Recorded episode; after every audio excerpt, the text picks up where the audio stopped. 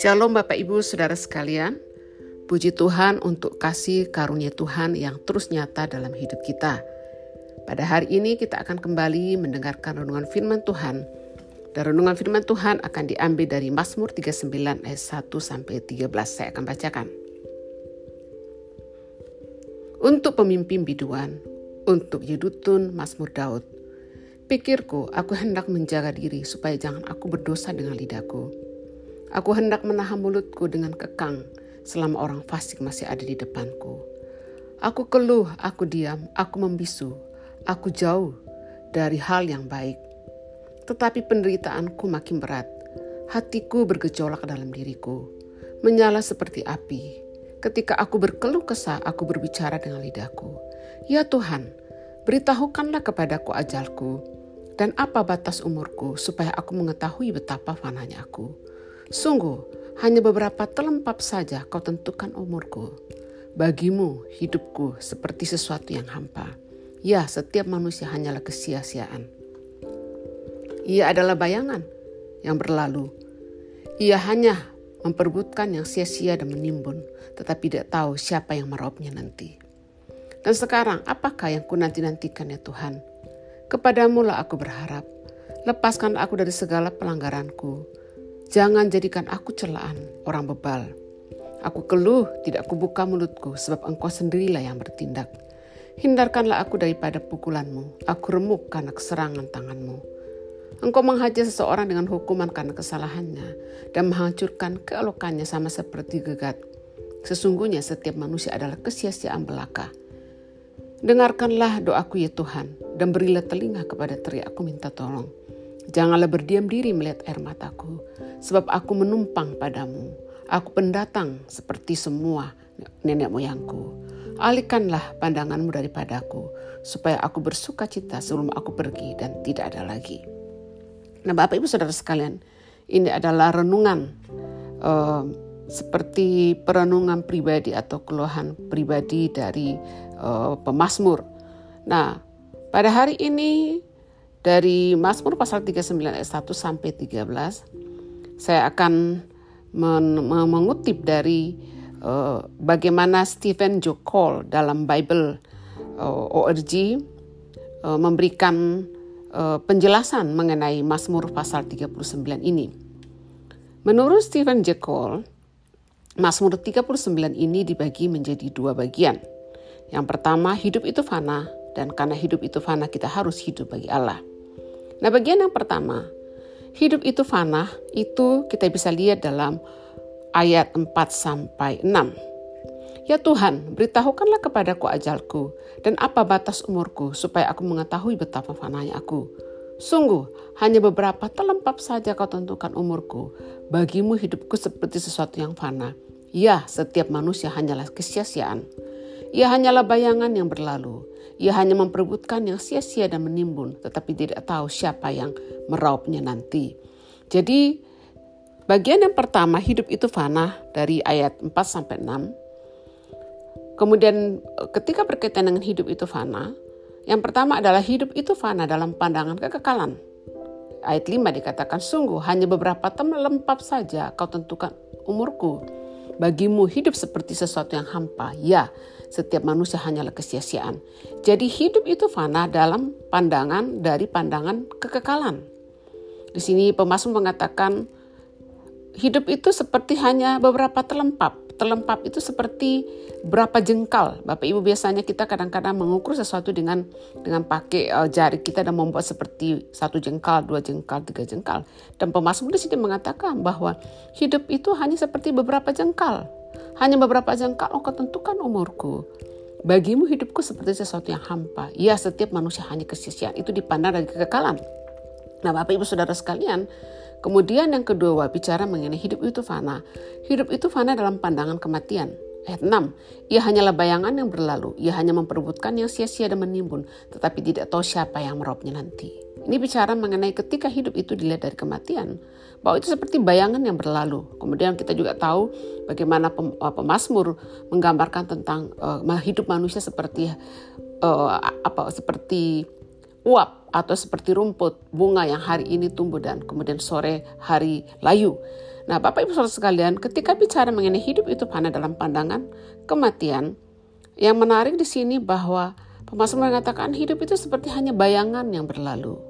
Kemudian hidup ini manusia ini yang sebenarnya hanya hidupnya itu seperti beberapa jengkal saja hidupnya. Kalau dipandang dari kekekalan dan dari pandang dari kematian hanya bayangan yang berlalu.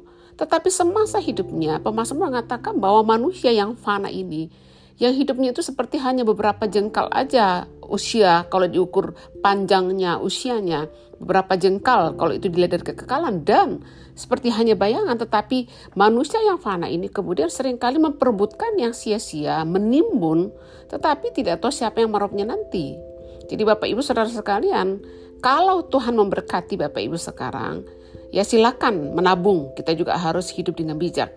Silakan menabung, mungkin beli emas ya, karena emas itu adalah uh, salah satu uh, logam mulia adalah logam mulia yang uh, harus uh, biasanya orang akan investasi dalam hal emas karena emas itu tiap tahun akan naik tetapi kemudian jangan karena kemudian menyimpan uang di bank atau kemudian membeli emas seperti ini kita kemudian seperti menimbun kemudian kita tidak tahu kemudian contoh Seseorang dia eh, membeli banyak emas, kemudian memiliki tabungan yang banyak di bank, tetapi kemudian tiba-tiba meninggal. Siapa yang akan siapa yang akan meraupnya? Jadi akhirnya harta sesuatu yang dicari dengan kerja keras, kemudian ditimbun, disimpan dan tidak dinikmati, kemudian waktu dia meninggal, maka siapakah yang meraupnya? Jadi hidup itu fana. Bapak Ibu Saudara sekalian, kemarin ada sesuatu yang berita yang mengagetkan karena ada keluarga, keluarga yang sangat dekat dengan kami, itu waktu penguburan mama bulan Maret itu masih sempat hadir dan dalam keadaan sehat-sehat. Ternyata kemarin sudah meninggal dunia. Ya, ada meninggalnya di Toraja padahal uh, uh, ibu ini tinggal di Balikpapan, tapi meninggalnya di Toraja. Nah, jadi Bapak Ibu Saudara sekalian, hidup itu begitu fana. Waktu kan bulan Maret kami ketemu masih ngobrol, dia sehat-sehat tapi kemudian meninggal dunia. Dan biasanya begini Bapak Ibu, kalau ada orang meninggal dunia, biasanya ibu-ibu itu suka banyak menyimpan emas ya. Kadang-kadang waktu ada seorang ibu yang sudah usia dan mungkin ibu ini cukup kaya, kadang-kadang kalau meninggal pikiran saya gini, siapa yang ambil emasnya? Atau ada bapak-bapak yang bekerja keras kemudian memiliki harta yang banyak setelah meninggal siapa yang mengambil? Nah jadi Bapak Ibu karena hidup itu fana, hidup itu singkat adanya, maka kalau Allah memberkati, pakailah berkat itu untuk Bapak Ibu nikmati selama hidup. Kemudian bagian yang kedua menurut um, Stephen J. Cole di sini adalah oleh karena hidup itu fana, maka kita harus hidup bagi Allah. Karena hidup itu fana, hidup itu singkat, maka kita hidup bagi, harus hidup bagi Allah. Dan hidup bagi Allah berarti menaruh semua pengharapan kita kepadanya. Jadi hidup bagi Allah itu berarti menaruh semua pengharapan kita kepadanya. Dan ayat 7 mengatakan, dan sekarang apakah yang ku nanti-nantikan ya Tuhan? Kepadamu lah aku berharap. Oleh karena hidup ini fana, hidup kita itu hanya seperti beberapa jengkal saja. Kita itu seperti bayangan. Oleh karena dalam kefanaan ini, hanya Allah yang kekal. Itu sebabnya kalau kita menyadari bahwa hidup kita ini fana, maka kita akan membuat Allah itu menjadi pengharapan kita. Kita akan sepenuhnya menaruh pengharapan kita kepada Tuhan karena hanyalah kepadanya kita berharap. Karena hanya Allah yang kekal, Allah yang kekal, Allah yang berdaulat dan Allah yang yang maha kuasa, yang maha hadir dan maha tahu. Itu sebabnya kita harus hidup bagi Allah.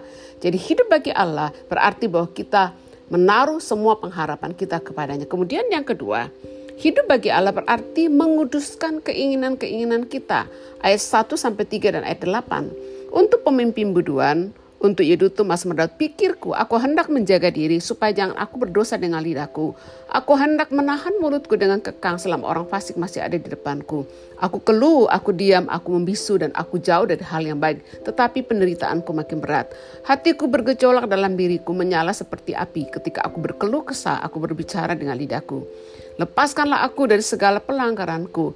Jangan jadikan aku celaan orang bebal. Jadi kalau kita menyadari bahwa hidup itu fana, maka kita akan hidup bagi Allah dan hidup bagi Allah seperti yang tadi saya katakan bahwa berarti menaruh pengharapan kita kepadanya. Kemudian yang kedua, berarti menguduskan keinginan-keinginan kita. Nah, keinginan-keinginan kita apa saja yang kita harus kuduskan kalau kita hidup bagi Allah? Yang pertama adalah menguduskan, kita harus mengejar kekudusan dalam hal berbicara. Bapak Ibu bisa melihat lagi dalam ayat 1 sampai 3, menjaga kekudusan, mengejar kekudusan dalam berbicara. Kemudian ayat 8, mengejar kekudusan dalam hal perilaku. Ayat 8 mengatakan, lepaskanlah aku dari segala pelanggaranku. Jangan jadikan aku celaan orang bebal. Kemudian untuk kita yang hidup bagi Allah, menurut Stephen Jokol, yang ketiga adalah hidup bagi Allah berarti saya berserah penuh kepadanya dalam menjalankan disiplin kehidupanku dan itu dalam ayat 3 sampai ayat maaf ayat 9 sampai 13. Aku keluh tidak aku buka mulutku sebab engkau sendirilah yang bertindak. Hindarkanlah aku daripada pukulanmu, aku remuk karena serangan tanganmu. Engkau menghajar seseorang dengan hukuman karena kesalahannya dan menghancurkan keelokannya sama seperti gegat. Sesungguhnya setiap manusia adalah kesia-siaan belaka. Dengarlah doaku ya Tuhan, berilah telinga kepada teriakku minta tolong. Janganlah berdiam diri melihat air mataku, sebab aku menumpang padamu, aku pendatang seperti semua nenek moyangku. Alihkanlah pandanganmu daripadaku, supaya aku bersuka cita sebelum aku pergi dan tidak ada lagi. Jadi hidup bagi Allah, kita harus hidup bagi Allah. Yang ketiga adalah hidup bagi Allah berarti kita berserah penuh kepadanya dalam menjalankan disiplin kehidupan kita. Nah, yang menarik adalah ayat 12 ya. Kesadaran yang luar biasa dari pemazmur. Dia mengatakan bahwa dengarkanlah doaku ya Tuhan dan berilah telinga kepada teriakku minta tolong. Janganlah berdiam diri melihat air mataku. Nah, perhatikan, dengarkan yang menarik ini. Sebab aku menumpang padamu, aku pendatang seperti semua nenek moyangku. Jadi pemazmur menyadari bahwa dia hanya menumpang hidup di dunia ini sementara dan seperti seorang pendatang yang dunia ini bukanlah tempat kita untuk selama-lamanya, bukanlah akhir dari kehidupan kita. Hidup di dunia ini adalah sementara, oleh karena itu mari kita hidup bagi Allah. Ya, demikian renungan firman Tuhan ini. Dan renungan firman Tuhan ini adalah saya sadur dari catatan dari Stephen Jekol dalam Bible ORG. Ya, jadi Bapak Ibu Saudara sekalian, kiranya Allah menolong kita dan mari kita hidup. Kalau kita menyadari bahwa hidup itu fana, maka kita harus hidup bagi Allah. Dan kita hidup bagi Allah, kiranya Allah menolong kita untuk menaruh pengharapan kita kepadanya dan menguduskan keinginan-keinginan kita, menguduskan cara kita berbicara, cara kita berperilaku, dan mari kita berserah penuh kepadanya dalam menjalankan disiplin kehidupan kita. Tuhan memberkati, Shalom.